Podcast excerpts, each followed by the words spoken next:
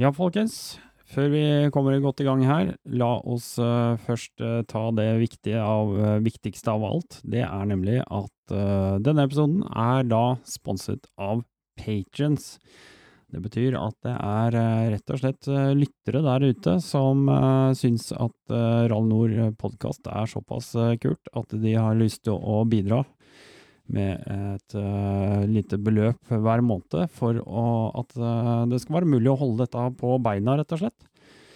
Vi leverer jo uh, ustanselig noe nytt og interessant til dere der ute, så hvis du føler deg kallet til å bli en patron, så går du rett og slett bare ned i shownotes, og så finner du linken enten rett til patron, eller du kan gå inn og lese mer på rallynord.no. Bli patron i dag. Det skal lønne seg, som jeg pleier å si. Og så er det jo selvfølgelig et uh, samarbeid her med Backcountry 3MC.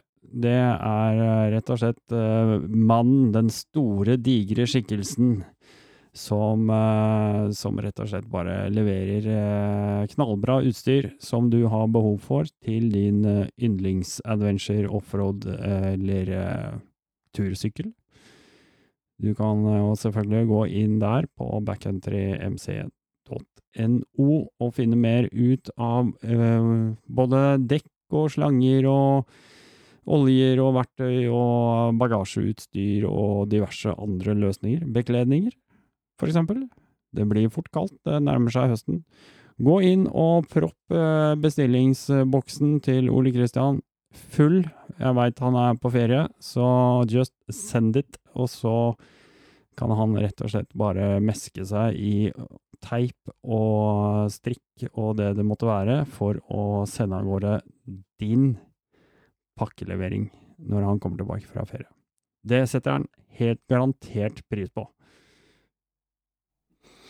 Ja, alle sammen. Det er eh, nok en episode av Rally Nord podkast. Det er jo selvfølgelig podden som eh, starter der hvor asfalten slutter. Og vi har jo ikke gitt oss enda. Vi har eh, sendt ut våre medsammensvorne til utlandet for å baske rundt i sand, gjørme og det som måtte være av gøyale obstacles, som det heter. Eh, vi skal ta en eh, nærmere prat med Hans Christian Dovland, fordi han kommer rett hjem. Nesten ikke vært i dusjen engang, tror jeg, fra Breslau. Dette gleder jeg meg til å høre jævlig mye mer om, i hvert fall. Men uh, følg med, for dette blir skikkelig, skikkelig bra.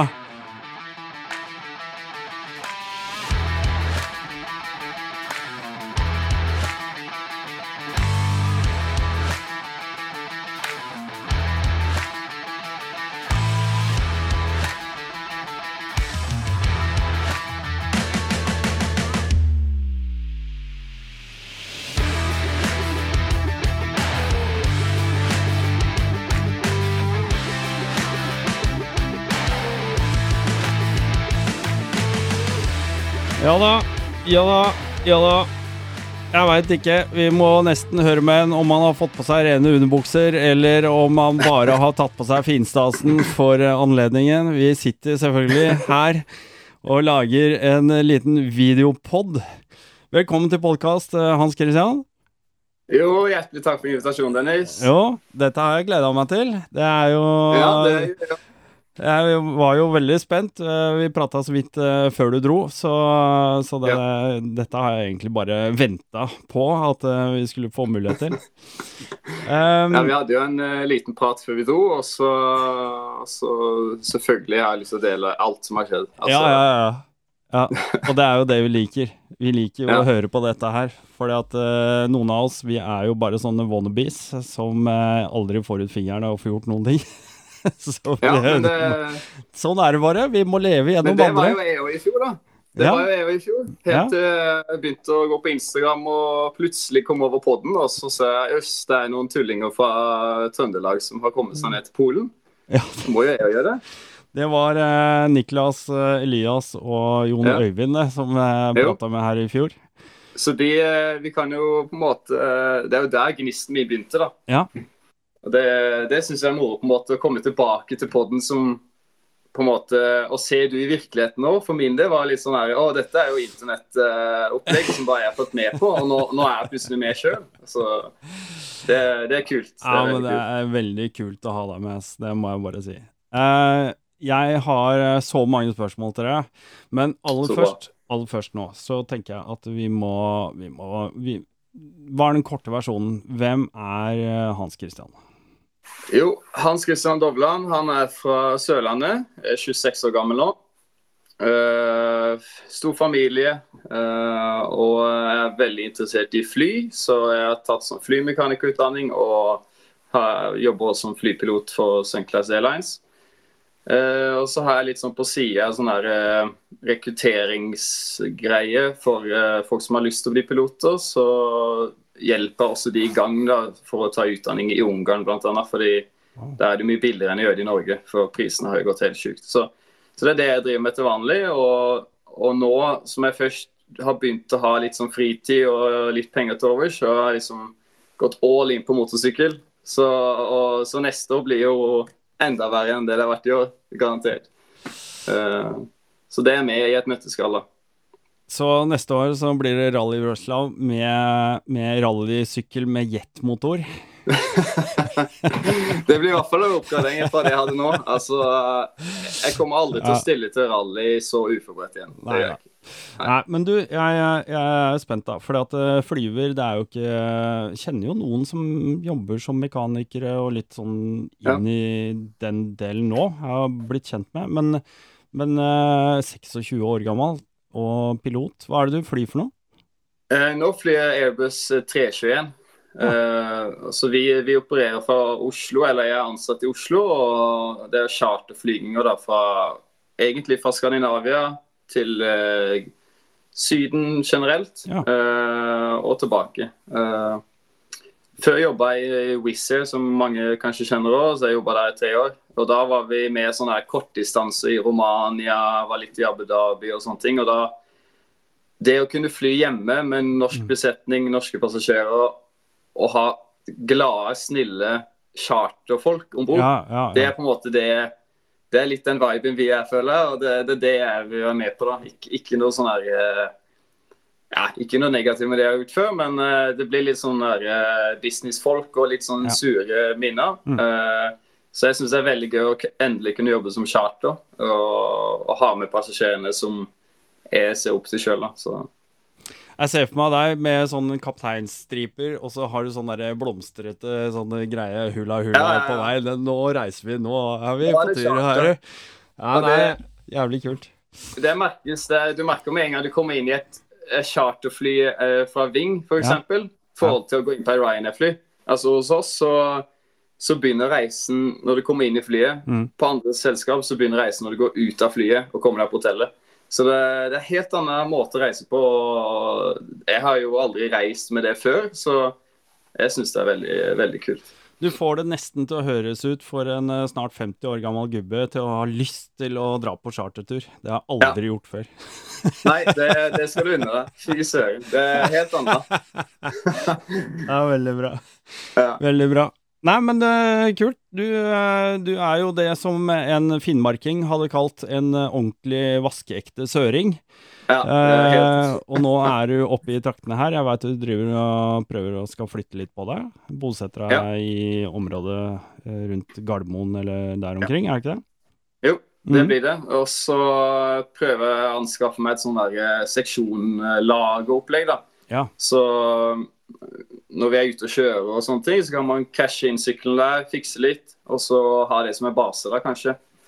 Uh, for det blir jo mer rally etter hvert her. Det, ja. det vet du òg. Og, og, det er jo plass i en sånn uh, lagerhall, det veit jeg. Så ja, ja det, det, blir spennende. Jeg håper jeg blir invitert en dag. Selvfølgelig. Der, der står kjøleskapet der ja, ja, stå i tillegg. Ja. Håper vi kommer videre. Nei, utrolig kult. Uh, jeg jeg hører jo hva du sier, at du hørte om disse gutta som dro til Breslau i fjor. Men for min del så var jo det første møtet med deg, det var nå i, i vårens utgave av Rally Grenseland. Ja, stemmer. Stemmer. hva Kan ikke du bare, før, før du havna der Altså, motorsykkel, rally Altså, hva er det du har Ja. drevet med av hobbyer og sånne ting? Eh, Som på en måte har ført deg dit, da? Jo, jo, jeg har jo kjørt motorsykkel. Jeg hadde lettlappen og sånne ting. Mm. Og, og så hadde jeg en veisykkel da når jeg var 16 år. Og så når jeg ble 17, så tenkte jeg det var kanskje litt gøy å gå offroad. Så da fikk jeg meg en, en Riu 125 med sånn der eh, total ja. ødelagt en til 10 000, husker jeg. Og da, da fikk jeg liksom smaken på å kjøre ut i skog og mark. Da prøve litt sånn adventure-opplegg. Og så tok jeg mellomtung før billappen. For det var det jeg hadde penger til. Det var en mellomtung sykkel. Da ble det en DRZ 400. Mm. Kjørte den eh, i hjel i et par år. Og, og det var da liksom jeg begynte å øve på å kjøre på bakhjulet og, og, og, sånne ting. da. Så jeg gikk med mot supermotoropplegg, da. Mm. Uh, og så seinere så begynte jeg å handle mange, mange mange KTM-er og fikse de litt, selge de litt. Og jeg har hatt 20-25 stykker i hvert fall. Ja. Uh, så jeg har jo helt hekta, spesielt på den KTM-modellen fra 2003 til 2007. Ja. Den kan jeg alt om. Altså Hvorfor, hvorfor akkurat det? Hvorfor akkurat den? Fordi før, så, når, når, jeg var eh, ja, si det seks-syv år siden, så var de veldig billige, og de var ofte litt sånn ødelagt. Mm. Så du kunne kjøpe de i ganske grei pris. Jeg kjøpte også noen i Sverige og importerte, og så kunne du fikse de, og, og da tjene i hvert fall en 10 10 000-15 000 på de. For, for bare et par år etterpå nå, du ser jo til og med nå, nå ligger jo de oppe i 60 000, Ja, ja. og det er de jo ikke verdt. Nei. Eh, men da lå de nede i 20 og under det òg, så og, Så da kunne du få gode deals, som vi sier. Mm. Hadde du et eh, slags sånn miljø rundt deg med kamerater, så alle kjørte Jo. motorsykkel, og dere var ute Prøvde å dra litt på bakhjulet rundt eh, enhver bygning og Ja.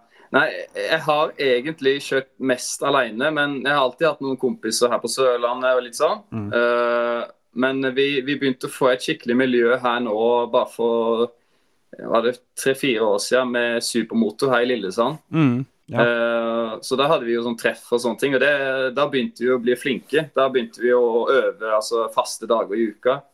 Uh, og da, da var det ikke bare sånn her eh, bakhjulskjøring for, for å ha det gøy, da var det mer bakhjulskjøring for at det er en slags kunst ut av det. da. Ja. Uh, for folk begynte å bli veldig flinke. Uh, men så ble de sperra av, da, det her parkeringsområdet vi brukte. Mm, Så, så det var litt kjipt. Så da, da gikk jeg all inn for offroad igjen, da. mm.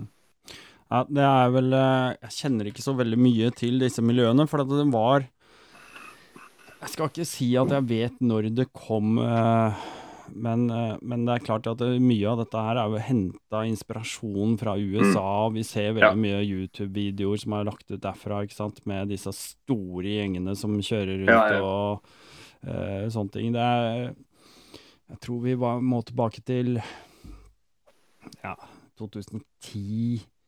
Litt før det. Det var første gang jeg så en nordmann som faktisk dreiv og triksa med en svær motorsykkel, liksom. Det er, Ja. aldri, jeg hadde aldri sett det før. Nei, det Eh, og det Ja. Det, det, var, eh, det var kult. Jeg tror det er noe som har kommet nå mer de seinere åra, da. Ja. Det, jeg tror det er mye det at uh, supermotor har mye farger, det er mye eh, bling. Mm. Og det er litt sånn bra på TikTok og Instagram Reels. Mm. Og da får du liksom de unge folka til å begynne med det. da. Det Ja. tror jeg Kult. Jeg uh, syns det er i hvert fall kult å se på, det er ikke noe å lure på. Nei, det er rått. Helt rått. Men uh, det var utrolig kult å møte deg da, på, på Rally Grenseland også. I likeså. Jeg skjønte jo ganske fort at uh, her var det en som var faktisk uh, Her er en som er, ikke er bare for å være på tur. Her, han her er ivrig. Han her er, uh, her er mye stram vaier. Og det var liksom Ja. ja. Mens alle andre satt der på åttende ølen, så hadde vel du kanskje tatt én, ikke sant? Og cola Ja. resten av kvelden og sånn, for du skulle opp og kjøre og du, eh, skjønner, du, Ja. da, da skjønner man liksom at du plasserer deg i en litt annen bås, da. Ja. Uh, for min del uh, jeg, jeg, hadde jo bare lyst til å prøve å komme meg på en roadbook-event. da. Ja. For jeg har, har, jo ikke peiling om sykkelen min og om noe ting funker. Mm. Så, jeg, så, jeg, var veldig glad at jeg var en av de siste som fikk lov å bli med. da. Så det, det har jeg jo takka for i senere tid. og og det jeg fant ut da, på et sånn treff, er at Sykkelen min var jo ikke klar for Breslo, den. Og jeg har jo ikke peiling på rally. Uh, for det, det, som kan gå galt, det går galt. Og det, det er ikke kødd engang. Alt går galt. Ja, ja. Det er, det er, jo sånn det er. Men uh, kan ikke du, før vi tar den, snakke litt om den sykkelen, da? Hvor, uh, hvor du, som du sier, alt gikk galt. Hva, hva, er det for en sykkel vi snakker om? Det er en KTM XC 250. Mm. Så det er en firetakt. Uh, det er jo ikke den sprekeste sykkelen, men den veier jo ikke så mye heller, så jeg, jeg syns den er helt uh, nydelig. Men for rallykjøring så er det vel ikke den du bør kjøre. Uh, så den har jeg drevet om, da, og, sånn at det kan ligge i ja, 120 ganske komfortabelt på sand, f.eks. Mm.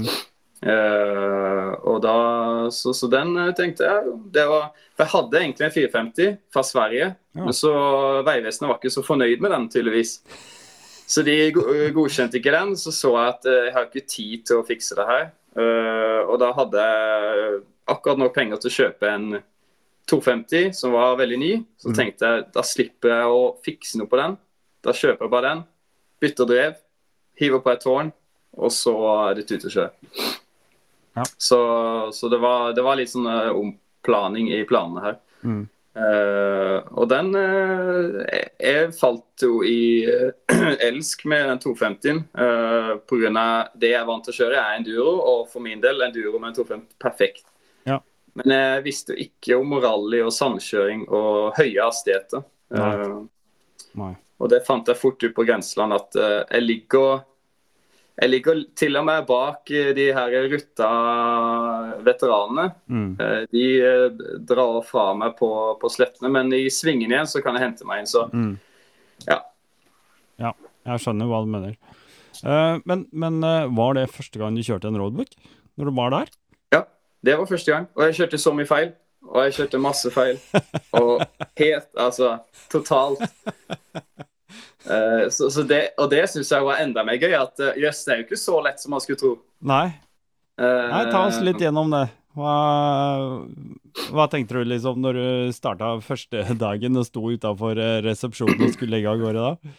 Jo, for det første så, så fulgte jeg bare litt sånn etter for jeg, Skal jeg til venstre til å begynne med, eller skal jeg til høyre? Hvor er det liksom punktet begynner på roadbooken? Mm, ja. men det, det, det, gikk seg til. Og så og så var det det da at jo, jo, det her er jo kult. Det fungerer. Du kjører etter en høyre eller venstre sving, kilometertelleren. Mm. Presist. Alt fungerer. Og så begynner du å bli litt uh, cocky, da. Så begynner du å dra på litt. Ja. Og, og, da henger ikke hodet helt med på hva 200 meter til neste sving er. Nei. Så du kjører jo rett forbi neste sving. Mm. Og må snu og sånne ting. Og hvis du gjør det når det er mange noter etter hverandre, så er det fort å plutselig hoppe over en, eller mm. ja. Og, da, og, det skjedde jo med meg, at jeg hadde ikke tatt denne papirboka stram nok. Så neste mm. note hadde allerede kommet, så jeg kjørte jo altfor langt, og så ble jeg helt vill. Og, og, det syns jeg var gøy å prøve å finne tilbake, da. For det var ikke så lett som du skulle si. Altså. Ja, for du valgte Du har gått for et papirformat. Ja. Uh, hva er grunnen til det, egentlig? Jeg holdt på å si, jeg spør fordi ja. det virker på meg da som at den vanligste inngangen er, er liksom digitalt. Ja, jeg er jo den som har sittet på YouTube og sett på folk i uh, Dakar, Afrika, Eco-race og sånne ting, så mm. jeg syns det er så stas med det papirformatet. Ja. Uh, og, det, og, jeg syns det er så kult med hele rallytårnet og alt. Det er derfor jeg gikk for et rallytårn og ikke en sånn simpel mm. brakett på styret. Ja. Uh, så, så, jeg tror det bare er rent det at uh, jeg syns det er kult, og det er det jeg ville prøve. Nei, jeg skjønner deg godt, for jeg sitter egentlig og tenker litt på faen, altså jeg har litt lyst på en sånn der papirholder. Altså. Det, er, det er litt kult. Det er liksom så mye mer sånn der Ja, jeg, jeg, jeg liker det, og det Litt mer forarbeid, litt mer planlegging. Sitte Ja. og lime og klippe og liksom Jo, jo. tegne litt og Ja, sånne ting. Ja. Er ja. Og, og jeg skulle jo til Breslau, det var jo allerede Jeg, jeg hadde bare betalt det den her påmeldinga, og så finne ut resten etterpå. Så jeg hadde jo, eh, jeg hadde jo fortsatt tanker om den 450-en når jeg betalte og måtte bytte sykkel og alt det her. Og da, så jeg visste jeg skulle kjøre papirformat i Breslau. Mm. Så for min del så, så var det jo bare å handle inn alt jeg trengte til eh, papir. Ja, ja, ja. Ja. Men uh, ta oss litt gjennom det. Uh, hvordan Altså, dette er Jeg må jo si at det er nesten en litt unik historie. Vi snakker om en som uh, kjører roadbook for første gang altså i, var det i slutten av mai, eller når det var. Og så bare et Ja. par måneder etterpå, omtrent, så er du Ja. i gang med det første rally. Altså det, det er jo helt hinsides. Jeg syns det er så kult at det er Ja, jeg vet ikke hva jeg skal sammenligne det med, men, men eh, når du går inn og melder deg på, hvordan er det det egentlig foregår for de som ikke har gjort det? Er det liksom bare fylle inn data og liksom Ja. Du, du, du bare registrerer deg, legger inn sykkel og bil. Mm. Og hvis du skal ha med servicefolk og sånne ting, så legger du inn det. Og så får du opp en pris da hva det her vil koste, for det koster jo å ha med servicefolk, Ja. fotografer og sånne ting. Alt koster jo. Uh, og så er det bare å overføre med bank, da. Ja. Og da, da tar det kanskje fire-fem dager før du får registrert at ja, du har betalt, alt er klart. Mm. Uh, og så kan du endre på bil og på motorsykkel. Uh, det kan du endre på. ja. På registrasjon og forsikringsbevis og alt det her. Alt må legges inn, men du har fortsatt flere måneder på å gjøre det her. da. Ah, ok. Så, så det, det selve bare det å få registrert navnet ditt og pass og sånne ting, og så meldt deg på. da. Som, Ja. Eh, Mm. så så lenge du har betalt, så tar de på en måte vare på deg, og alt informasjon og sånn får du det du trenger. da. Så Mm. det syns jeg var veldig bra. Alt Du kan komme sånn som meg, da, som ikke har peiling. Mm. Og allikevel får du nok informasjon til å komme deg dit og møte opp på startlinja. da. Kult. Men hva var det som eh, fikk deg til å velge akkurat Breslau? Det er veldig rart. eh, Det, det, ja, hvorfor, hvorfor akkurat Breslau? Jeg, jeg tror det er fordi, eh, fordi trønderne gikk ned der. Ja. Og fordi det var litt info om det. Jeg kan spørre litt folk. Trønderbataljonen som eh, dro den der, ja. Jo, jeg, jeg tror det. Det må ha vært det. Ja. Altså, hadde de dratt til Litauen når det var et event der, så hadde jeg nok heller gått dit, sikkert. ja. Mm, mm. Det tror jeg. Hellas også er jo et eh, sted som begynner å bli litt sånn eh, Ja. Stå på lista for mange. og Vi hadde jo Peter Solnør nå, som har jo vært med et Mm. par ganger allerede, og, og sånt noe. Det, er Ja. det et sånt løp som kunne friste òg?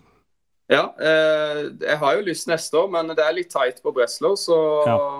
Mm. Men eh, hvis jeg klarer det med ferie og sånn, så, så blir det mest sannsynlig Hellas òg. Mm. Så. Og gutta fra Norge har gjort det veldig bra der, så det er jo kult. Ja, det er eh, ganske fett, altså.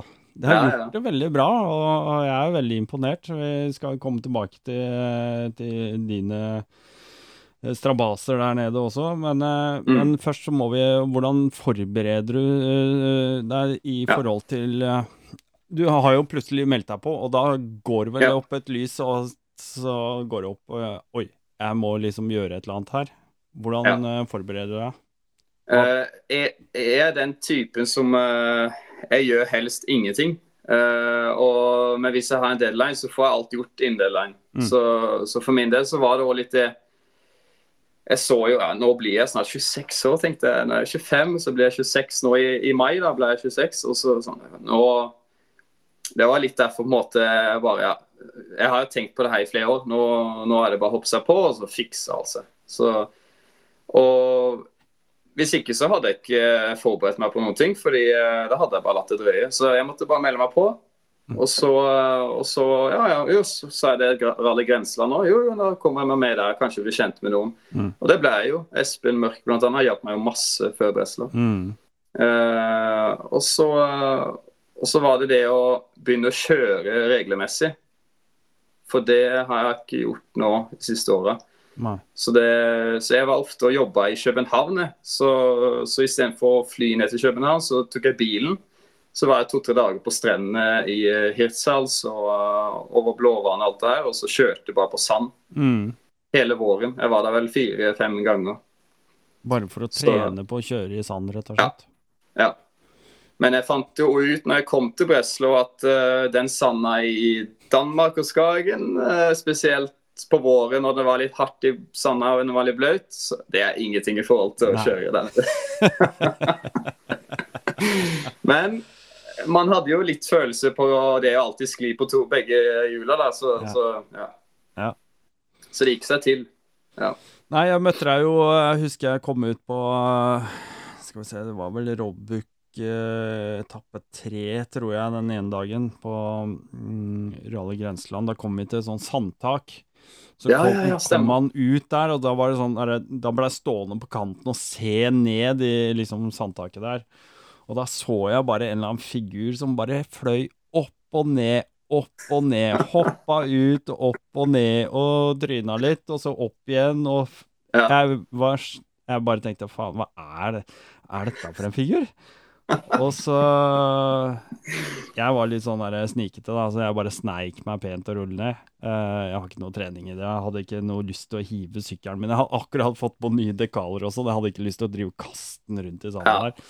Uh, fe jeg feiga skikkelig ut. Men um, så så jeg at det var deg, da. Og vi ja. blei jo stående og se, ganske mange blei stående og se på deg og holde på med det her. Og jeg må jo si jeg var superimponert, fordi at uh, en ting er Jeg tror ikke veldig mange alt, Jo, mange tenker på det, men det er ikke alle som eh, fokuserer kanskje riktig på det. Jeg tenker på dette ja. med kondis. Ja. For eh, det er noe du finner ut etter hvert at det uh, ofte mangler, da. Ja. Det gjør man jo. Men eh, hvordan følte du det? Sånn som jeg så deg kjørte opp og ned der, så tenkte jeg fy faen, han holder ut i hvert fall. Eh, ja, jo, jo. Man, eh, greia er at uh, man, blir jo, man, blir jo, sliten. Mm. Men uh, jeg er vant når, når jeg går ut og kjører i skogen hjemme òg, mm. så, så, er det ikke sånn jeg kjører ikke liksom ah, nå tar vi en tur fram og tilbake. Og, ah, det var gøy. Mm. Det er mer sånn uh, Jeg kjører til enten jeg sitter fast eller detter eller blir helt sliten. Mm. Og så fortsetter vi gjerne Altså, jeg jeg kjører ikke for å ha en kosetur, det, det blir mer en trening. da, så, mm. så, man skal kjenne blodsmak i munnen når du er ute og kjører enduro. Altså, hvis ja. ikke så er, kommer du ikke videre til neste gang. Uh, og, så Derfor holdt jeg på i det sandtaket til jeg ble godt sliten i, i, kroppen. og ja, Så gir man seg jo helst før når leken er god da, og ikke du blir altfor komfortabel. Ja. Så, ja. Nei, det var i hvert fall jævla imponerende. Og så jo, og så hjelper det å ha, ha, folk på sidelinja som du, Dennis, og pushe på litt. og bare, 'Du er jækla god', vet du, sier han. Og, og så fikk jeg den fine nøkkelknippepinnen av ja, ja, ja. Altså, ja. Altså, det er jo ting man husker, det òg. Det... Ja, det er bra. Det er, eh, det er, gøy det at du setter pris på det. Um, nei, jeg tror um, du, du nevnte jo Espen Mørk. Ja. Uh, jeg tror han, uh, han blir jo litt sånn uh, vi, vi, har jo bare begynt å kalle ham for Godfather. Ja.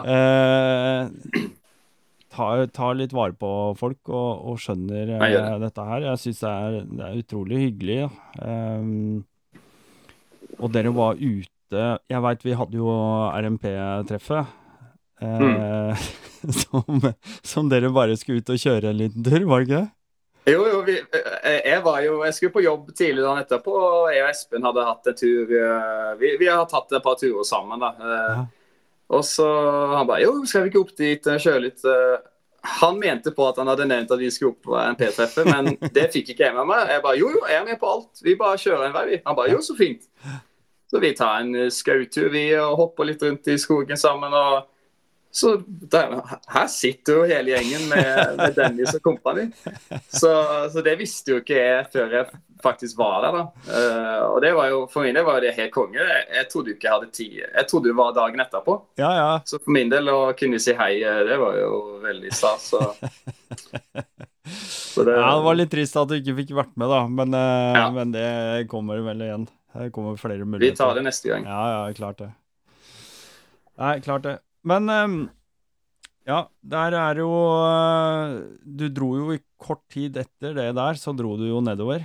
Ja. Eh, hvordan planla du, og hvordan gjennomførte turen ned?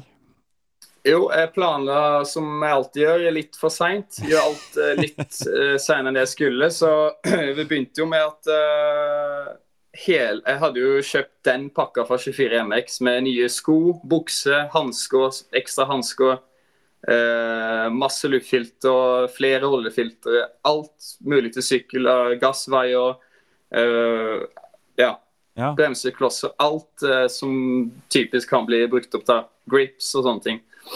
Og det skulle jo komme en uke før jeg dro, men, så jeg var jo faktisk ganske tidlig med det her. Men så var det jo sommer og sånn, og så jeg fikk jo aldri den pakken. Så den ligger i bilen og har ikke åpna engang. Oh, fy fader. Så da ble det å kjøre med de gamle hullete skoene mine og hullete buksa mi og ja. Det, så jeg var allerede der litt på baksida, men jeg hadde ikke nok luftfilter og sånne ting. Ja. Uh, så da var det å begynne å vaske noe gamle jeg hadde, og så, så bare bruke det jeg hadde. Uh, jeg hadde heller ikke gjort noe spesiell trening og sånn fysisk for kroppen, annet enn å kjøre. da. Mm. Uh, og det er noe jeg må gjøre til neste gang, for jeg merka ja, det, det, tar skikkelig på. Mm. Spesielt etter dag tre. Mm. Så, kjenner, så, er du støl i hele kroppen. Og da hadde det sikkert vært greit å vært vant til å være og hatt de muskelgruppene litt mer aktivt før du drar ned. Helt klart. Ja. Uh, så var det jo bare å ta service på sykkel. Spesielt få bytta alle bremseklosser, altså, for det var noe folk sa som ble brukt opp. Og det ble brukt opp. Jeg gikk gjennom et helt sett med bremseklosser foran og bak. Mm. Jeg skjønner ikke hvordan. Nei.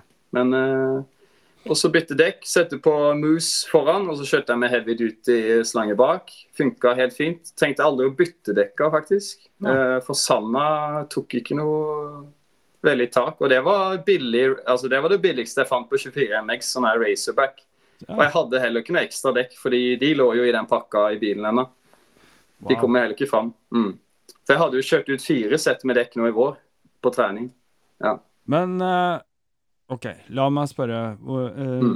Hvordan du får ikke den pakka. Du har bestilt for å forberede deg, og så får du ikke den pakka. Du må bare resette. Hvordan påvirker det deg egentlig mentalt å ikke ha de tingene på plass? Eh, for min del, jeg har jo alltid kjørt når jeg ikke har ting på plass. Så ja. for min del var det bare å ta samle gamle. Altså, ja. helt vanlig Men jeg, jeg, bare, jeg prøvde iallfall å gjøre ting ordentlig. Nei, så Nei da, jeg har, jeg har, ekstra ting hjemme, så det gikk, det gikk seg fint. Og jeg kontakta òg en som skulle kjøre med oss. Mm. Uh, Matthew Gerd. Uh, han er jo ja, Han har kjørt Breslo flere ganger og Hellas Rally og sånn. Han, han, uh, han, er flink. Og han kontakta, og så prata vi sammen en gjeng, og så fikk jeg faktisk et dekk av han, da. Ja. Som reserve. ja. Og det var ikke spørsmål engang. Eh, for jeg sa bare jeg hadde en pakke som ikke kom fram, og de bare ja, hva trenger du? Mm. Brasilien, så fikser de det. Så de ordner alt til meg. Wow. Uh, men det eneste jeg sa som var litt sånn uh, som trengs å bli ordnet, det er et bakdekk, i tilfelle jeg skulle få et kutt eller noe sånt. Ja. Så, så, resten fiksa jeg, og så hadde jeg det bakdekket ekstra. Og det ligger også fortsatt ekstra i bilen. Så, ja. Ja. Var det noen grunn til at du valgte å kjøre Mos foran og så heavy duty bak? Det er på pris igjen, da. Jeg oh, ja. kjørte okay. de billigste racerbackene du kunne finne. De der eh, sand-racerbackene. Okay. Uh, funka ekstremt bra. Uh, og Moose, det var billig å kjøpe én, ikke to. Så tenkte jeg hvis jeg punkterer foran, så, så kommer jeg kanskje ikke fram. Så jeg hiver på Moose foran. Ja. Og så får jeg bare punktere bak og kjøre. Jeg stopper ikke da. Altså, jeg mm. kjører på felgen i verste fall, men det har i hvert fall en stabil kurs. Ja. Ja. Jeg liker den mentaliteten din. Det er litt sånn her det... bare gønne på som faen vi skal gjennom her. Ja. Det, vi skal Jeg sa det veldig mye. Jeg snakka litt med Peter Solnør faktisk eh, før du dro ned. Uh, ja, du, den, ja, stemmer. Og da var tida så knapp. Jeg bare, Nå kan ikke jeg ha flere inputs, nå må jeg bare pakke bilen og komme meg gå. Ja, for, for, jeg sa til Peter at vet du hva, er det noen jeg syns du skal ta kontakt med og snakke med her, så er det ja. uh, Dovlands, jeg. Ja. For han uh, han har noe som, jeg mener, som jeg mener at ikke veldig mange har, da. Uh, den der mentaliteten til, til bare ja. Nå bare gødder vi på. Nå bare gjennomfører vi det her. Ja, ja, vi fikser det. Og eh, garantert så blir Peter med på noe neste år. Det... det tror jeg, det tror jeg. Og jeg tror dere to hadde gjort et jævlig bra team sammen, faktisk. Det tror jeg. Ja. Det tror jeg. Og jeg kjenner ikke karen engang, så Nei. det sier litt. Nei, jeg, jeg er helt overbevist. Jeg tror, ja. jeg tror jeg hadde gått bra. Men um, ja, ja. Åssen er det? Du kommer ned der. Du er vel tidsnok til startstreken, regner jeg med? Ja, ja, ja. Jeg, jeg, er så forberedt jeg kunne være, da, så, så jeg tar ferje to dager før jeg trenger å være der nede. Og på ferja så er det to haikere. Jo, jo, jeg tar med de i bilen òg, så, så, så, så, nå sitter det to haikere på sida av meg fra Frankrike. Så de skal helt fra Norge til Frankrike. Jo, de var, jo, de var studenter, så de, ja. de var rene og fine sånn sett. Altså. Jeg tok de med, og så ja. var jeg meg våken, tenkte jeg. Så kommer vi, så nærmer vi oss Tyskland-grensa, og så ser jeg ja, der står det tre motorsykler. Nå skal vi De er jo havarert. Så Aha. tenkte jeg jeg har jo masse verktøy å dele, så jeg stopper her eh, midt på motorveien og eh, halvveis i trafikk. Og så så tenker jeg nå skal jeg fylle opp karmaen min før rally her. Nå har jeg haikere. Nå skal jeg redde motorsykkelfolk i nød. Så jeg gikk bort, og de hadde fått havarert den ene sykkelen, sier de. Og jeg kunne ikke skjønne helt det, da, for det var jo ingen oljesøl. Altså, ja. ja. Og så spør jeg kan du starte den for meg, da prøve. Så var det ingen, var ingen skjedde ingenting når de startet. Så tenkte jeg vet du hva, den er sikkert, den står med støtta nede, så jeg setter den i fri. Mm. Drar inn kløtsjen, og så starter jeg sykkelen. Med en gang. Og de har stått der en halvtime og ringt berging, og de er tre tyskere som ikke kan engelsk. og helt uh, fortvila. Ah. Uh, så starta den, og de bare helt sånn her Takk til Gud, liksom, uh, at du redda oss. Uh, og jeg tror jo kanskje at de har At den har kjørt seg varm, for det var, ja. virka som det. At de, ja, men at de aldri visste hvordan de skulle starte ned, for de hadde sittet ned støtta. Ja. ja. Så det var litt sånn Men, men, men de kom seg videre. Karmaen min ble fylt opp, og vi tok med haikerne og sørover. Så det var, det var moro. Uh, det er jo et eventyr på tur alltid når du er på biltur. altså. Spesielt uh, når du skal til rally. liksom da Det er en annen vibe, da. Ja, ja. Litt sånn charter-vibe. det er herlig. Ja. Så, så jeg kommer jo fram da til Polen til slutt. Pøsa inn hele natta og dagen, og det var fullt av sauler alle veier. Mm. Det hadde jo ikke jeg forventa. Jeg forventa jo varme og uh, flott og alt det her uh, tinga. Uh, men jeg hadde kjøpt myggspray og var forberedt. Ja.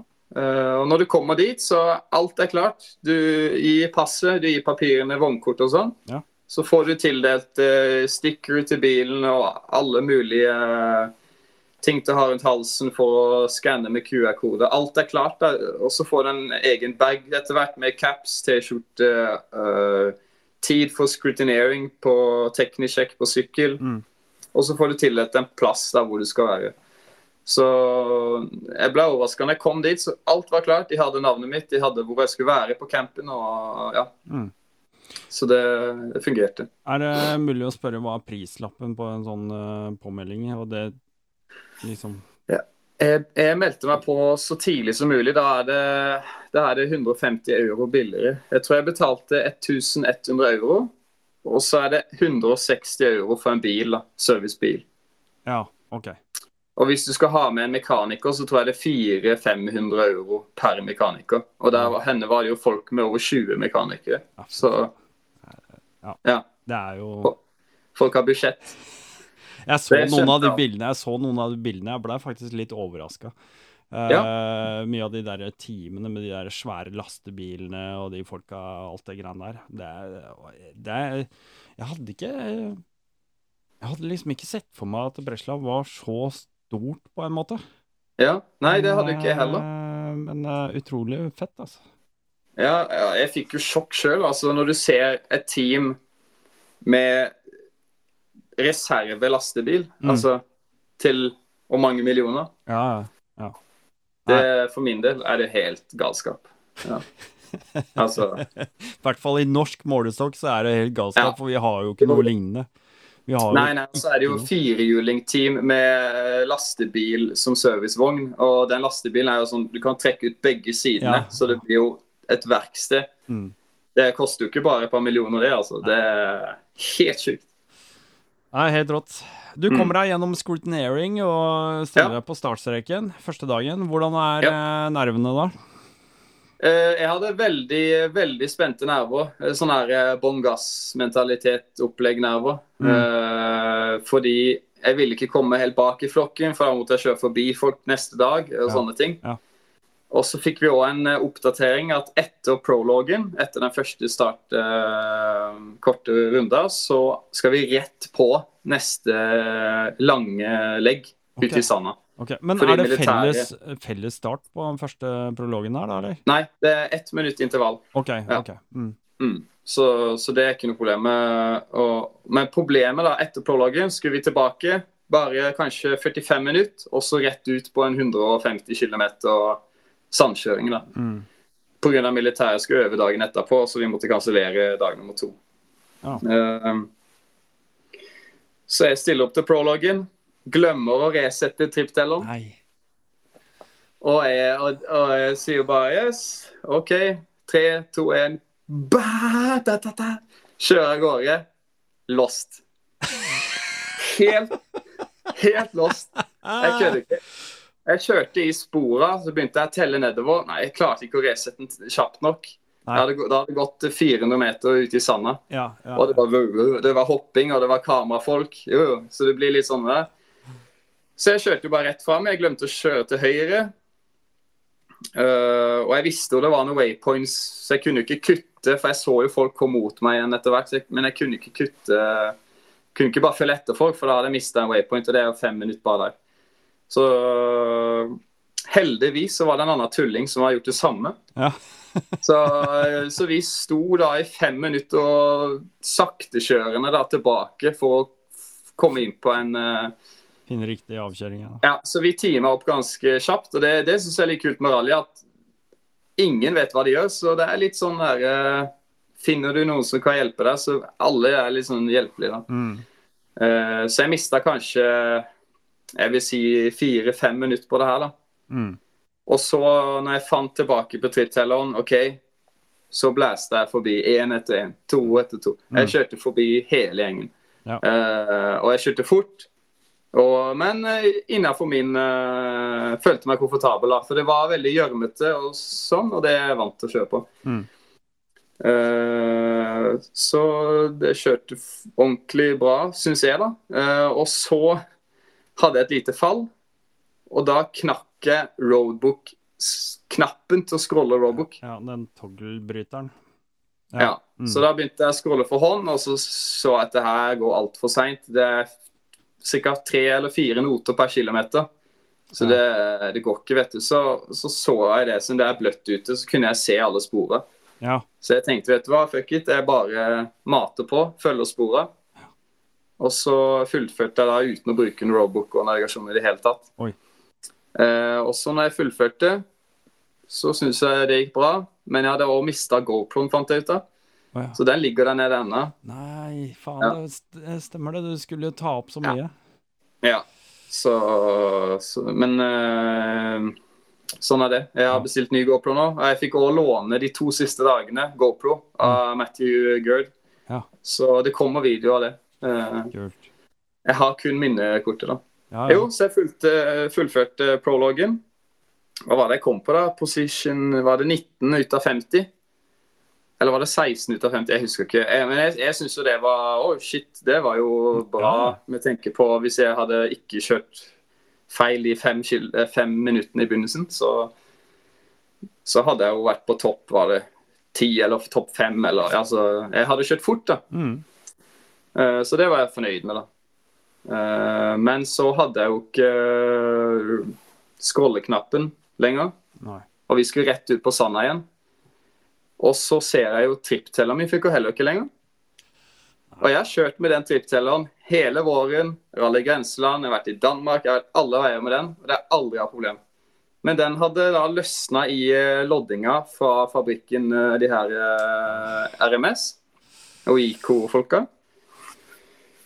Så heldigvis da, så har jo Espen Mørk gitt meg en eh, Hva heter det? GPS-IK-teller. Ja. Så jeg setter jo den i gang, da. Og klarer å sette på bryteren, som jeg også fikk av Espen Mørk, til Ja. å ha med i reserve, som jeg, som jeg mente jeg ikke trengte. Eh, men heldigvis så pusha han meg til å ta med det her, da. Mm. Så takk til Espen Mørk. Nå, da, jeg kødder ikke. Jeg kom på startlinja fem minutter etter tida. Men heldigvis så var vi ca. 7-8 minutter forsinka. Så når jeg kom dit, så var det perfekt timing. Starte rett på. Mm. Men jeg hadde jo ikke fått drukket vann, jeg hadde jo ikke fått slappe av noen ting. Mens de andre hadde hatt en kaffe imens. sånt. Ja. Og da begynner stage nummer én.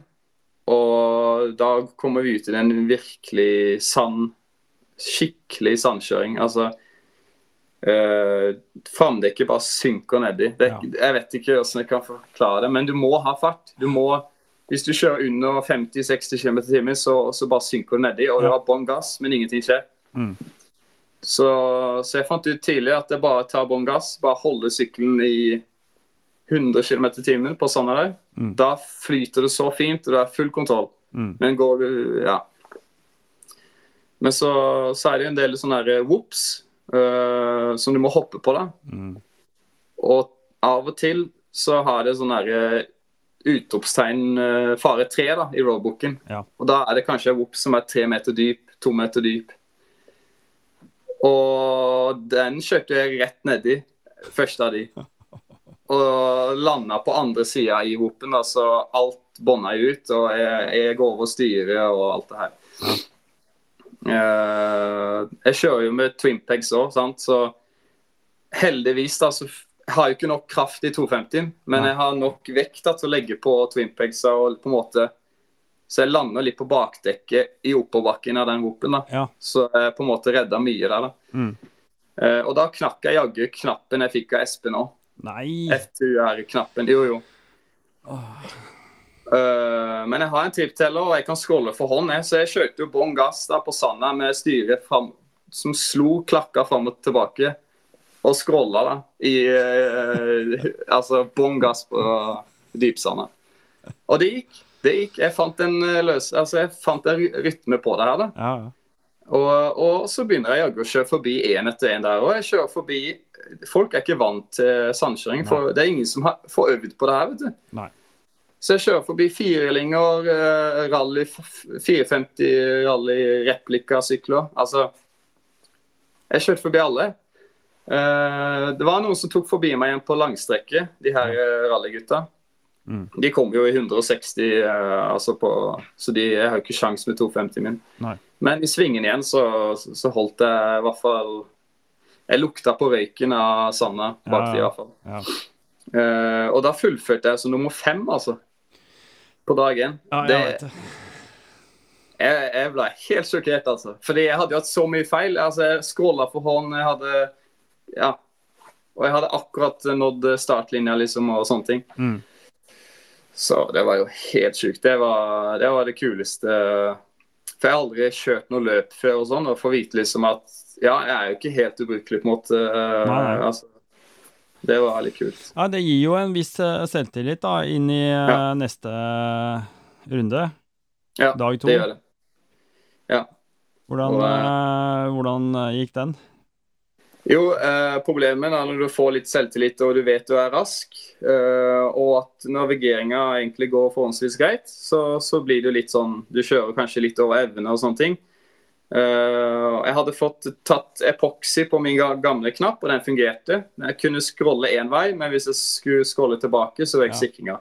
Okay. Men det, det gikk fint. Eh, det kan man, man bruke. Så dag to, det var mye av det samme kjøringa. Dyp sand.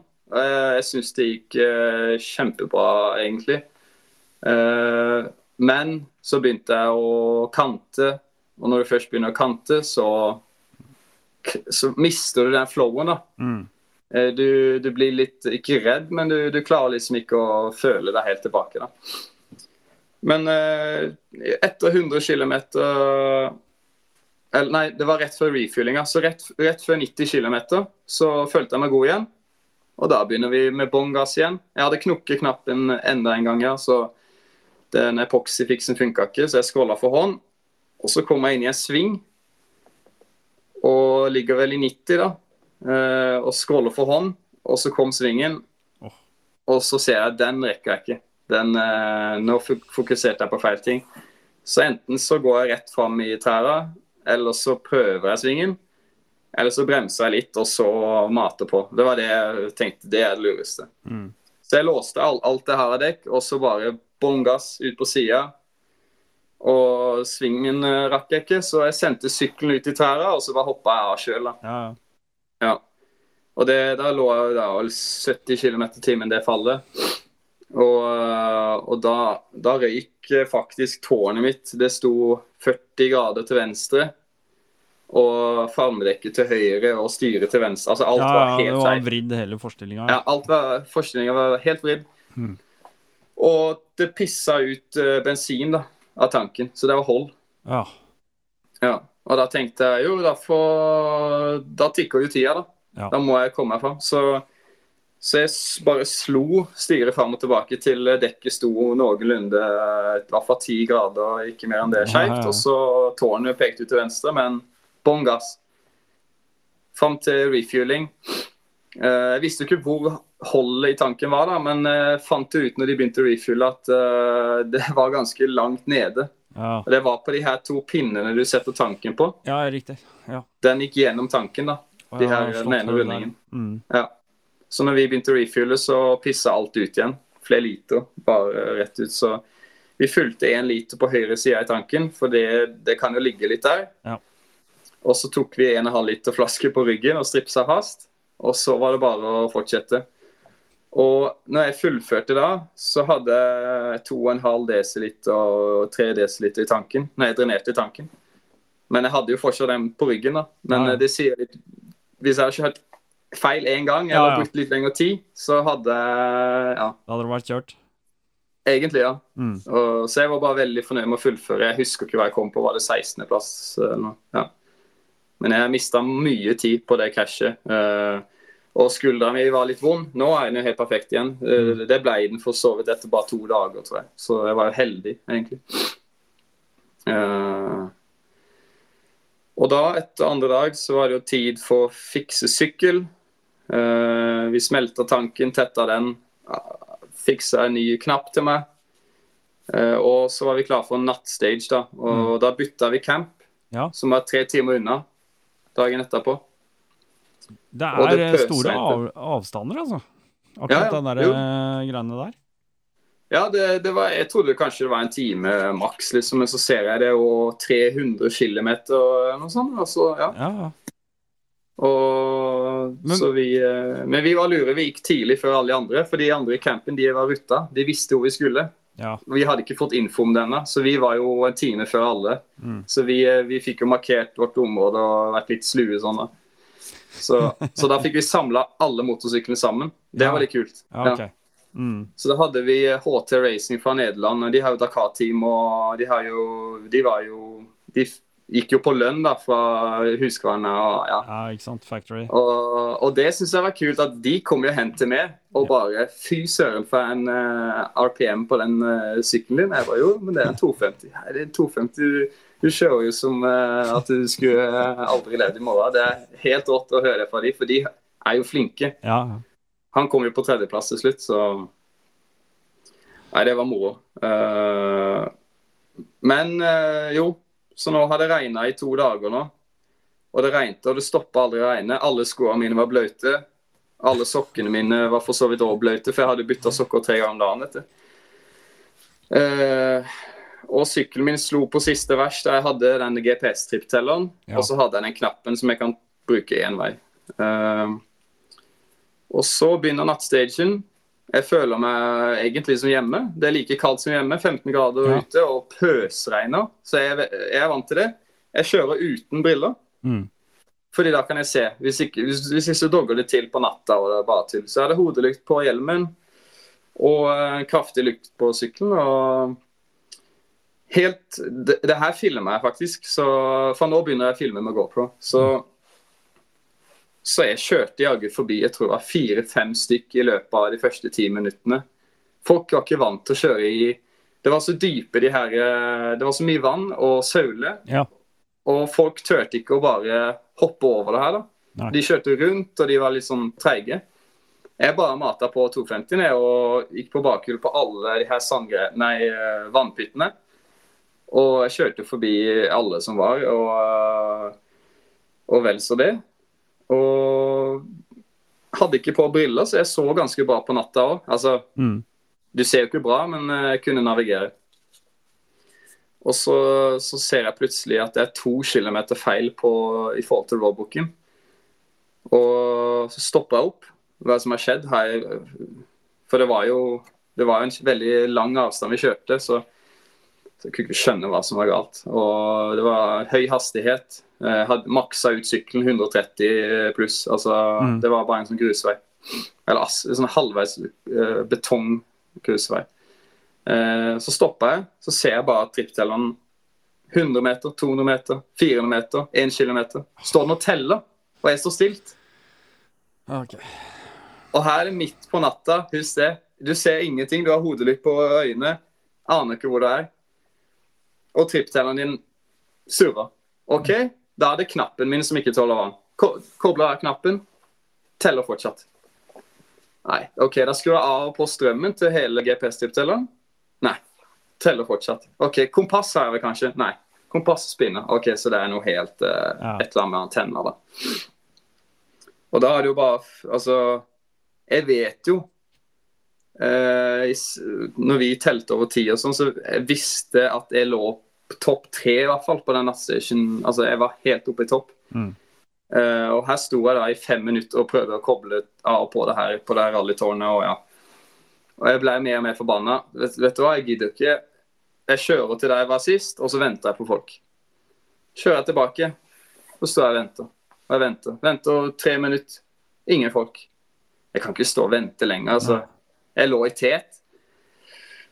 Så jeg ser heldigvis, da Eller jeg så, når jeg stoppa første gang, så så jeg et lys som gikk inn i skogen. Det var derfor jeg visste at det punktet liksom, der kunne jeg stå og vente på folk. Men, mm. men jeg tenkte, vet du hva, jeg bare fortsetter uten trippteller. Så jeg scroller ned for hånd da, Mm. og finner det punktet. Og så kjører jeg jaggu fra kilometer 43, tror jeg. Eh, Nei, eh, hva var det da? Jeg kjører rundt eh, 20 km med ca. 3-4 knots per kilometer uten tripteller midt på natta. Og det er spor alle veier etter dagen før. Jeg, jeg kødder ikke. Det er helt utrolig at jeg fant fram. Uh, ja.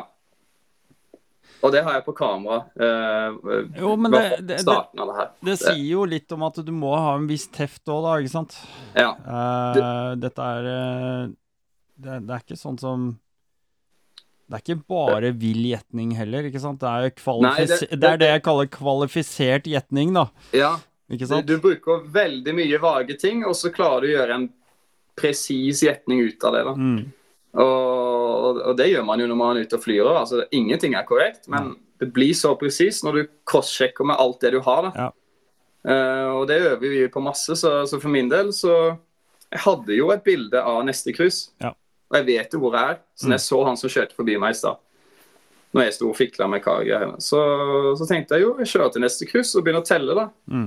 Så, så funka det, altså. Det- Eh, men problemet var at jeg ofte måtte stoppe i hvert kryss. og så kunne, For det er jo bekmørkt. Bare for å kunne se de her små stiene. Det er jo ikke, det er jo ikke en skog der du ser at ok, det går én vei rett fram og én til venstre. Det er jo helt åpent. Og det er spor alle veier utenfor sanddyne. Så du må stoppe kanskje og se er det en firehjuling som har kjørt her i Ja. dag, eller Ja. Og jeg, jeg ble helt overraska og fort jeg kunne kjøre etter hvert Mm. med å bruke den taktikken. Mm. Så ser jeg da jo 380 meter. Da har du bare pinne ut. Og så OK, nå har det gått 200-300 meter.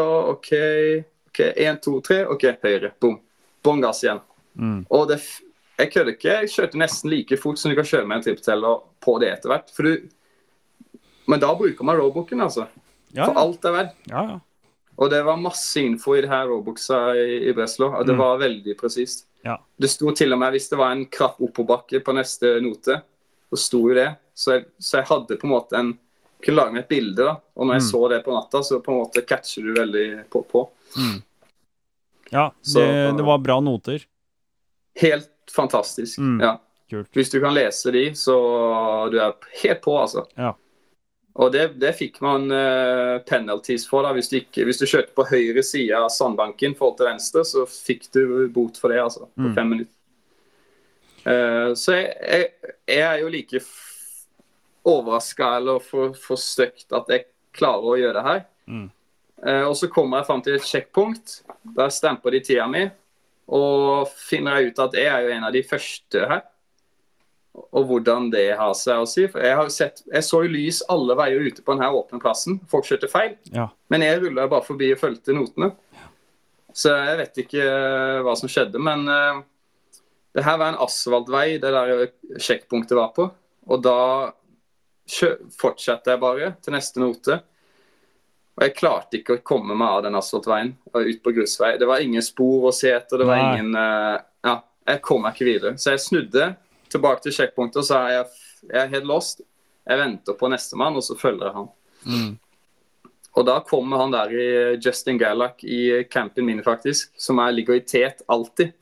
Han kommer jo heldigvis, så jeg kjører i duo med han da resten av dagen. Ja. Uh, på, midt på natta i pøsregn. Ja, ja.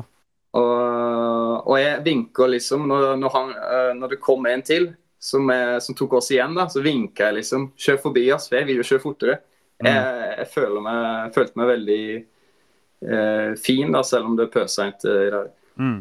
Og Da fullførte jeg det som nummer sju da, på den nattstationen, Men jeg kødder ikke. Det må ha vært ti minutter i hvert fall med alt det her koblingene og, ja. og uh, sikkert mer. Og for jeg stoppa jo i alle kryssene nesten. Uh. Jeg vet neste år så skal jeg vinne den nattstagen. Det er ikke spørsmål, den skal jeg vinne. Mm, mm. Og den skal jeg ha pokal for. Fordi det fortjener jeg. det er deilig innstilling, altså. Jeg liker ja. den innstillinga. Så neste år så går jeg all in for nattkjøring. ja. Da er det bring it on, for da Lykke til å svare på den nattstation. Ja, Alle dere som hører på nå, som tenkte dere skulle til Breslau uh, neste gang, det er bare, dere, dere bare bemerk det nå med en gang. Ja. Uh, kommer det noen spisse albuer, så uh, bare å kle på seg. ja, det blir fight i så fall. Da skal vi gjøre det sammen. Det, nei, det er helt, det råeste jeg har gjort, det, det tror jeg kjøper den natt, nattgreia i pøsregn, fullt av vann alle veier alle har kjørt feil. Det er lykter der, det er lykter der. Helt mm. åpent område, bare sand. Mm. Det Ja. Men det er, det er litt kult, eh, akkurat dette greiene med nattestage. Ja. Jeg har tatt det opp i noen episoder tidligere, prata litt om det der med, med, å kjøre om natta generelt. Mm. Altså Uansett om det er på en uh, grusvei, asfaltvei eller hvor som helst, bare det er bekmørkt og uten belysning. Ja. Fordi at uh, de som ikke har gjort det, anbefaler å gjøre det, fordi at du blir så oppmerksom og mye mer mm. kjent da, med sykkelen din. Ja.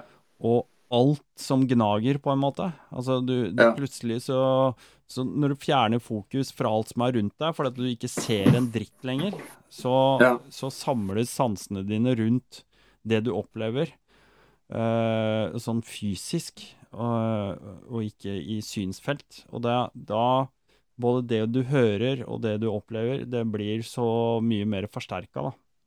Det, det, kan jeg tro på. Du er liksom inne i den lille svarte bobla di, da. Ja, det er, det er helt riktig. Så akkurat den derre kjøre om natta, det er eh, Det er litt Det er send, altså. Det er send. Ja. Det, det, er helt rått. Og så i hvert fall når du er klissblaut og alle syter, og du liksom ja. Vi er jo vant til å være blaute, så for min, det var så digg å se her, føler man seg hjemme, da. Ja, uh, ja det er kult. Men åssen uh, Du nevner jo noen folk underveis. Uh, regner med at ja. du fikk en del Ja, det, det, oppstår jo et slags vennskap, da. Ja, veldig. Mm. og det er spesielt etter den nattstagen, når jeg kjørte med Justin siste 10-20 km sammen, på en måte. Vi vi, vi bare teama opp, rett og slett. For han hjalp meg, og dagen før hadde han hatt clutch-problemer. Jeg hadde roadbook-problemer, så vi mm. teama opp da òg. Og vi lå på samme cirka posisjoner, så det var veldig, veldig kult. Eh, man blir veldig intime sammen, da, på en måte, fordi du fighter om samme tingen i samme dritet. på en måte. Ja. Og du er i samme camp. Og ja, og når vi, vår camp var faktisk sånn vi var ganske høyt oppe på lista, da, så alle var liksom fighta litt med hverandre òg. Mm. Og likevel så på en måte hjalp vi hverandre om å hjelpe på syklene og fikse og ting. Og, Så jeg, jeg digga liksom hele viben og sånn rundt eh, campen. Det, Mm. og, så, og vi har allerede begynt å prate om neste ting, hva som vi skal gjøre etter Breslau og liksom sånne ting. For man, man skjønner med en gang at man, er, man kjører i samme Man har samme hastighet på sykkelen, og man har samme erfaring og sånne ting. Og på en måte Mm. Da er det veldig lett å bli gode venner, da. Det er bra. Ja. Da blir det Så- start igjen på dere neste år sammen. Det blir det. Garantert. Men uh, dette er med sykkelen din, da. Altså du Ja. Til neste år så regner jeg med at det da blir ikke noe 250. Nei, eh, problemet er jo det at man Alt koster jo det er det. Ja. Eh, jeg har jo lyst på en 450, men jeg har egentlig mest lyst på en 350, kanskje. For ja.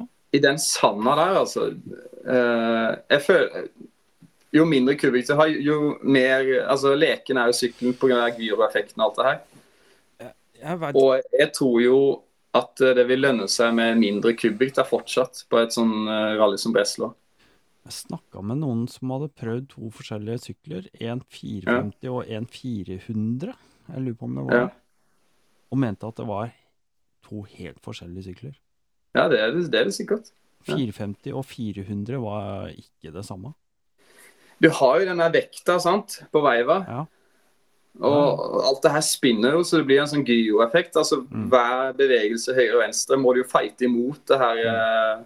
gyroeffekten. Ja. Og 250 for meg er jo som en sykkel. Altså, Jeg trenger ikke å ha hendene på rattet i sand engang. Det er bare å klemme beina og så gå den rett fram. Ja. Altså, men øh, Og den kan jeg bøye akkurat som jeg vil. Så jeg, jeg føler Jeg har jo prøvd 450. Det er så mye power Mm. at jeg kommer til å liksom ligge litt på reserven. da. Litt Mm. sånn litt, eh, Hvis jeg tar bånn gass i en sving, så er jo sykkelen rundt. Men på 250 så girer jeg ned to gir. Ja. Bånn gass gjennom hele svingen, og det blir helt fint ut. Så jeg føler meg en 350 neste år, så det her er litt mer toppfart. Det er det jeg mangler nå, egentlig bare. Og så har jeg kanskje litt mer moment, kanskje. Men uh, et par hester ekstra. Så Mm. få på litt av Akapovik og litt sånn litt snacks. Så jeg tror det er det beste for min del. da. Det blir spennende. Jeg gleder meg til å høre mer Ja. fra deg uansett neste år. Det blir jævlig gøy. Det blir helt rått. Den kjøringa som er der. Men øhm, ja, vi skal jo Vi må fullføre dette løpet ditt nå, først og fremst, da. Ja, det var det, da. Eh, Eh, Du har jo to-tre dager igjen etter dette her, så ja, det var vel eh, Var det to, eller var det tre? Det går også i ett år. Ja, det er to og tre. Ja. Var det ikke det? En- Nei, det, det er bare to dager. For vi tok eh, dag Ja. én og to samtidig. Ja. Sånn var det. Det, ble én dag forkorta hele rallygreiene. Uh, tror jeg, da. Nei, nå, nå, nå har jeg det ikke på øyet. Men det gikk, det gikk de, de siste dagene, jeg må si det, det gikk helt i ett. Eh, du hadde så lite tid, du fikk ikke nok søvn. Jeg begynte å få mer og mer teknisk feil på sykkelen. Tåene måtte sveises. Heldigvis var det noen som hadde aluminiumssveiser. Mm. Eh, og jeg begynte å kjøre treigere og treigere. Og da til slutt så fikk jeg jo den eh, Etter nattstagen så fikk jeg jo én time og fem minutter penalty. For jeg hadde kjørt for fort. For jeg, hvor jeg har kjørt for fort, vet jeg ikke. Men uh, for min del altså, hadde jeg så mye Mista så mye tid uansett på de her uh, tinga mine som ikke funka. Uh, Mm. så jeg lå ikke på topp ti lenger. Jeg lå, hvis jeg hadde, ikke hadde hatt den timen penalty, så hadde jeg ligget på topp 11 eller noe sånt.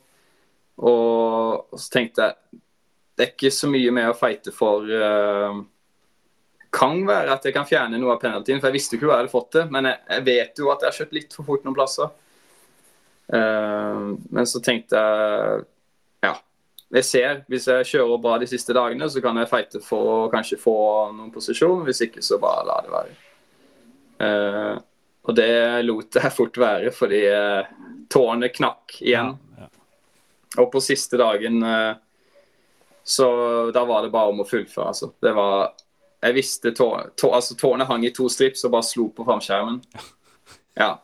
Og det, det var bare å fullføre jeg kjørte bra i begynnelsen, men så begynte ting å løsne. og ja, Mm. Skråla for hånd, og man ble litt lei. Og så og veldig tidlig siste dagen så møtte han her Matthew Gerd igjen. Og da hadde han mista framdrevet sitt. Ja. Uh, ja. Og så da da ja, jeg faktisk Vi fant framdrevet. Jeg stoppa bare, for jeg hadde ikke noe fight for lenger. Så jeg stoppa, vi fant framdrevet. Jeg skrudde av min framdrevskrue og skive. Ja det til han. Så hadde han en stålpudding. Så sa jeg den tar jeg, og så går du. For han fighta om tredjeplass. ja, ja. Han fikk fjerde omsider, tror jeg. Eller var det femte? Jeg husker ikke. Eh, men han mista 25 minutter, da. Og, men eh, jeg putta bare stålpudding, eller epoksypudding, Ja. inn i framdrevakslinga. Og så holdt jeg fram tåa mi, da, så ikke drevet skulle hoppe av. Så kjørte jeg resten av dagen sånn. da. Helt til mål. Og jeg kødder ikke. Den, den ståpuddingen den holder fremdeles ennå. Det står i garasjen nå. Det, det, ja, hvordan jeg skal få det ut av, det vet jeg ikke. Så, men det var gøy å hjelpe han, da, for han hadde gitt meg GoPro og gitt meg masse Ja, ja. tips. Ja. Uh, så jeg følte liksom at det på en måte for min del summa opp hele rallyet. Mm. Og, og dagen før så hadde jeg jo uh, Ja, hadde jo hatt litt sånn teknisk problem, men jeg, jeg, jeg kjørte ikke fort nok. Jeg hadde hatt et ganske et fall til. og jeg merka at eh, min, min kjøremåte har nå begynt å gå være raskere enn det dempinga på sykkelen min tåler. på en Ja. måte. ja, ja. Så jeg, jeg, jeg kom altfor fort og bånda ut hele sykkelen, og bakdekket spretter og sjangler av gårde også i bakken og opp igjen og kjører. Altså, det, ingenting funka. Framdemper min spruta olje eh, opp når jeg hadde harde ja, altså, Den var jo begynt å gå tom og Ja. Det, det begynte å ta på utstyret på sykkelen, og jeg var støl i hele kroppen. Så, så siste dagen så hjalp jeg så mye jeg kunne de andre, og fullførte. ja, ja. Og, og det, det gjorde jo det hele til en veldig sånn her at vår camp var veldig Vi hjalp hverandre, vi kom oss i mål. Og, så det, det syns jeg er veldig stas. da. Og det, det er det som er rally. Vi, vi, Det er det. alle skal med. Ja. Det er jo det som er gøy. Og det gir jo kred òg. Akkurat den derre Jo, jo. Og han fighta for tredjeplassen. Altså, han hadde gjort det sikkert samme for meg. Mm. For jeg fighta jo ikke for topp ti lenger. Jeg kom på, position, jeg kom på nummer 15 da, Mm. med alt av penalties og sånn. Så kom jeg 15. Så jeg hadde jo ikke en topp ti å fighte for engang. Så ja. Det, det syns jeg var på plass. Og, og han, altså. Han Jeg, jeg fulgte jo etter han i to-tre minutter, sånn at vi bare skulle se at jeg kom videre òg. Ja, Og, eh, så det var veldig snilt han. Han, han passa på meg. Han hadde stoppa og hjulpet meg hvis jeg stoppa. Eh, men så sier jeg bare Det her funker. Nå kjører du. Og fy søren, han kjørte, altså. Han sa, jeg lurer på om han, han tok igjen alt det vi hadde stått der. og Vi har stått, sto der lenge. Ja. ja. Så han er rask. Han, jeg har ikke kjangs å følge med. Nei, kult. Mm. Det kommer. Det kommer. Det kommer. og jeg må ha en B-sykkel. Eh, spesielt demping har jeg funnet ut at eh, det er ikke som å kjøpe enduro-demping. Eh, du skal ha noe helt annet. Mm. Og ting skal være litt stivere. Og kjøreteknikken min er heller ikke bra nok i forhold til den hastigheten jeg hadde. Så, så det er mye å øve på til neste år. Mm. Veldig mye. Ja, det er eh, Det er kult. Er det noe, Mm. er det noe info tenker å gi til de som eh, tenker å melde seg på noe sånt, eller? Ja, altså Det man skal vite, da, at du vil ikke gå på noe eh, vanskeligere rally enn f.eks. Rally Breslau for første gang. Nei. Det er liksom Det er allerede det er vanskelig nok. Det er så mye nye begreper og ting. Mm. Bare å Ja. Så Men det skal si at du får all infoen du skal ha. Det er en egen app. Alt er tilrettelagt. Og, så, så det er fullt mulig å komme seg på Breslau. Mm. Og nå har jo jeg vært der. Trønderne har vært der. Så Og neste år blir vi mange som skal dit. Ja. Håper jeg. Ja, ja. Og eh, så neste år, hvis man har lyst til å bli med, så må man bare si ifra. Regner med at det, Det- blir sånn eget eh, nasjonalt lag der nede. Ja, det skal det bli. Og det er jo 30-årsjubileum for Ali Breslau. Så okay. altså, det blir alt liner opp neste år. Mm. Det er helt sikkert. Herlig. Mm. Nei, jeg syns jo dette er utrolig kult, Ja. Men eh, er det noen som har hjelpa deg på vei? Er, eh, hvordan det har det vært Det koster jo penger videre, men Ja, det kosta mye mer enn det man tror. Det må man òg tenke på. Mm. Uh. Man ja, for at inngangsbilletten er jo én ting, men så er det jo ja. altså, slitedeler og bensin og ja. you name it. Du skal flyttes. Kjøre en skal... sprinter fra Norge til Polen ja. med ferje. Ja, sånn type ting. Uh, og så er det det. Du mister GoPro, du ødelegger utstyr. Mm. Det er jo 10-15 baller ja. med utstyret er ødelagt. Altså. Uh, men jeg må uansett takke Espen Mørk, for jeg hadde ikke møtte opp på start eh, etter, etter prologen hvis ikke jeg hadde fått GPS-telleren fra han. Nei. Og en ny knapp som jeg fikk av Espen, som jeg senere knakk. Så jeg sitter jo og tenker på hva jeg skal kjøpe til han nå. Ja, ja, ja. Eh, så det må jeg få gjort. Jeg veit det finnes noe fin konjakk. Nei da. det høres ut som Espen. ja. Har ikke du sånn taxfree, da? Ja, ja, ja. Uh, jo, så ja, men det fikser vi uansett. Uh, og så ser jeg at de har ny, fått nye sånne FTR-knapper nå, så mm. du kan bytte ut den her uh, ja. Vision, ja. Mm. ja så, så, det skal jeg handle opp på masse reservedeler. Ja. Uh, jo, så Espen Mørk, tusen takk for alt. Og så har vi jo Real Turmat. De har jo sendt en stor pakke med masse mat ja. som jeg har spist nå når jeg har vært på trening vært uh, nedover Polen. Uh, og at de ble med uten å kjenne meg, på en måte, det syns jeg var helt fett. Ja, det er kult. Ja, for jeg prøvde jo Jeg, prøvde jo, jeg har jo prøvd flere forskjellige sånne her, uh, dry food pack-mat. Ja. Og hvis du har prøvd flere, så vet du den ja. eneste er real turmat. Det er faktisk det, altså. Det andre er bare bullshit. Det er ikke verken godt eller føles ikke Nei. Det smaker ikke ja. Det metter ikke. Det er ikke Har ikke like mye energi. Altså, det er mye rart. Men Rart med det. det altså, og så er det det når du åpner en realtime, så ser du nedi Jo, ting er, det er tørka, men det er jo, det er jo ekte mat der nede. Mm. Åpner du en eh, sånn her, eh, pose fra en annen leverandør, så det er jo bare pulver og ja grå strimler som skal være kjøtt og sånne ting. Ja. Det er ikke det samme. Det, det, det, er jo noe helt Altså, det er natt og dag. Og, og det, det syns jeg er fett at å få med en, et ordentlig produkt mm. allerede så tidlig. Så jeg håper de har lyst kanskje neste år uh, å, bli med videre. For jeg, jeg, føler det kan jo fort bli en vinn-vinn-situasjon etter hvert hvis man har lyst til å gå enda videre mot uh, større ting. Da. Altså, jeg husker at jeg eh, handla jo real turmat for uh, sikkert allerede over 25 år sia, første gangen. Ja. Ok. Uh, og den gangen så var det, det er en, Dette er en liten digresjon, da. Men ja. uh, så kom jeg inn Jeg gikk på Sandvika Storsenter, eller Sandvika, så skal jeg innom en sportsbutikk for å kjøpe noen sånne real turmat. Okay. Og så fant jeg det ikke.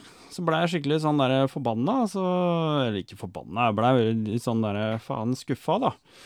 Mm. Fant ikke real turmat, og så gikk jeg og spurte en av disse her uh, unggutta som jobba der, da. Så du, uh, har dere ikke noe sånn uh, turmat, eller? Jo, jo, jo, masse. Og bare pekte bak, vet du, der bak på veggen her. Bare henger jo ja. Jeg bare Det der er jo ikke Jo, hva er det her? Nei, det er nye forpakninger. Så tidligere så var jo okay. Real De lagde jo blant annet i militæret og mye sånt noe. Mm. Så det kom i sånne blanke poser. Altså sånn okay. sølvfolielignende poser. Med bare en sånn derre papirlapp som var bretta og stifta rundt. Ok. Så det var skikkelig sånn teknisk innpakning? Ja, ja. Og den mm. var eh, den, den hadde jo da ikke ikke sånn bånd som du kan liksom bare klemme sammen, så står den stødig og sånn, vet du. Du måtte holde den i hånda, for den var rund i bånd. Ok, ok. Og så sier han bare sånn der veldig optimistisk og fint, da, så sier han at ja, nei, nye forpakninger er kjempebra, vet du, for de kan du bare la stå og sånt noe, så du slipper å holde ja. den. Så jeg kikka på den, så var helt oppi, så Ja, men hvor er sjarmen hen, da? Sjarmen er jo borte! Da hadde de begynt med de oransje innpakningene, da. Men, ja. Og han holdt jo på å le seg her. Han var litt enig, da. Det var ikke, ja. noe, det var ikke noe skjerm lenger. Men uh, nei, helt siden da så Det er, når man skal på trenger det, så er det Real som bygger. Ja. Altså. Altså, båten min var jo forsinka på vei hjem i en dag. Mm. Jo, hadde ingen mat, sto på kaia. Jo, jeg har vann. Ja. Jeg har en pakke real turmat. Det ble kebabgryte. Ja, Fantastisk. ja. Altså, ba, bare det når du er kald, du sitter i en bil litt blaut, få et sånn varmt måltid. Eh, Må ba, vi må bare være forsiktige så ikke kokken hører på nå, for da river han seg i det lille håret han har igjen, vet du. Er, jo, jo, men han har hatt seg en real turmat, han òg. Når han sitter, når han sitter klissbløt ute i en skau, så skal jeg love deg han, Hvis du gir han en da, han, han har det, vet du. Han har det. Ja. Så klart han har det. Og det er jo perfekt. Det er jo KTM-oransje farge på de innpakningene, så det er veldig lett å plassere på en sykkel. Ja. Jeg veit at det var en til som hadde betydning. Eh, Jo. Som, eh, Twin Pegs. Ja. Shout-out Altså- shout til Twin Pegs, altså. Det er, er Problemet nå, hvis jeg skal få ny sykkel, så må jeg finne ut passer de over på den. Det, Ja. eh, for jeg, jeg har ikke lyst til å kjøre uten. Eh, Nei, spesielt i, i sandkjøring er jeg er fortsatt helt innenfor Twin Pegs. eh, og jeg, jeg er jo ingen motocross-sjåfør. Eh, for jeg, jeg, jeg, jeg viste jo det her Folk så jo det her på startlinja. Hva, hva er det du har på pedalene dine? Det er Twin Pegs. Så peker jeg twinpegs.no. Ja, og, og, og de bare OK, ok, åssen er det du kjører da? Altså, Ja. jo, jeg, nei, du har beina helt vanlig, men du blir ikke så sliten.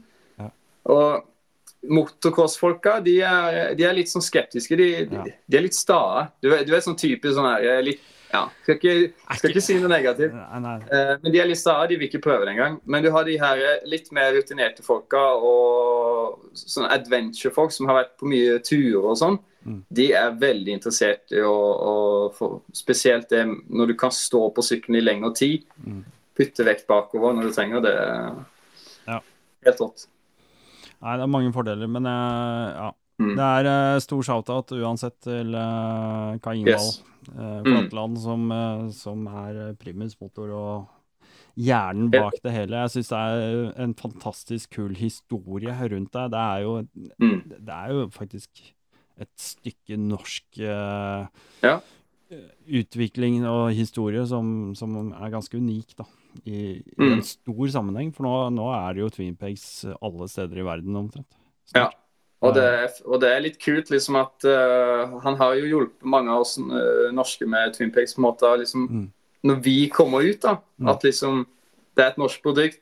Det er norske representanter, mange. Mm. Uh, det, det er kult. Det er kult. Veldig kult. Uh. Shout-out til Twinpegs. Men ehm, Ja. Nei, jeg, jeg regner med at vi ses igjen snart, plutselig, vi. Det gjør vi. Det gjør vi helt sikkert. Du er jo bare brått i området rundt meg og greier, du, så Ja, vi sier det egentlig bare sånn. Mm. Det er helt fantastisk, Dennis. Det, det er kult. Utrolig fett å ha deg med denne gangen. Jeg Mm. eh, satser på at det kommer til å bli flere ganger. For det er ikke siste Vi får gang vi, det. det blir ikke siste gang vi hører fra deg, det er jeg helt overbevist om. Nei, neste år eh, da blir det all in for alle. Altså. Da, da skal vi få tak i noe veldig uh, moro. Det, Ja. det blir rått. Ja, det gleder vi oss til. Ja. Jeg uh, sier som alltid sjalabais, Shalabais. og så på gjenhør. Og nå så tenker jeg det at uh, med denne episoden her, dere, så mm, blir det gøy, fordi at uh, vi har noen planer. Vi har noen planer, det kommer flere episoder og mye annet moro vi skal prate om. Uh, jeg tenker at uh, om ikke altfor lenge så skal jeg prate med en gammel, god kompis av meg, Casey. Han og jeg, vi skal nemlig prate litt om hvorfor du ikke skal kjøre rally.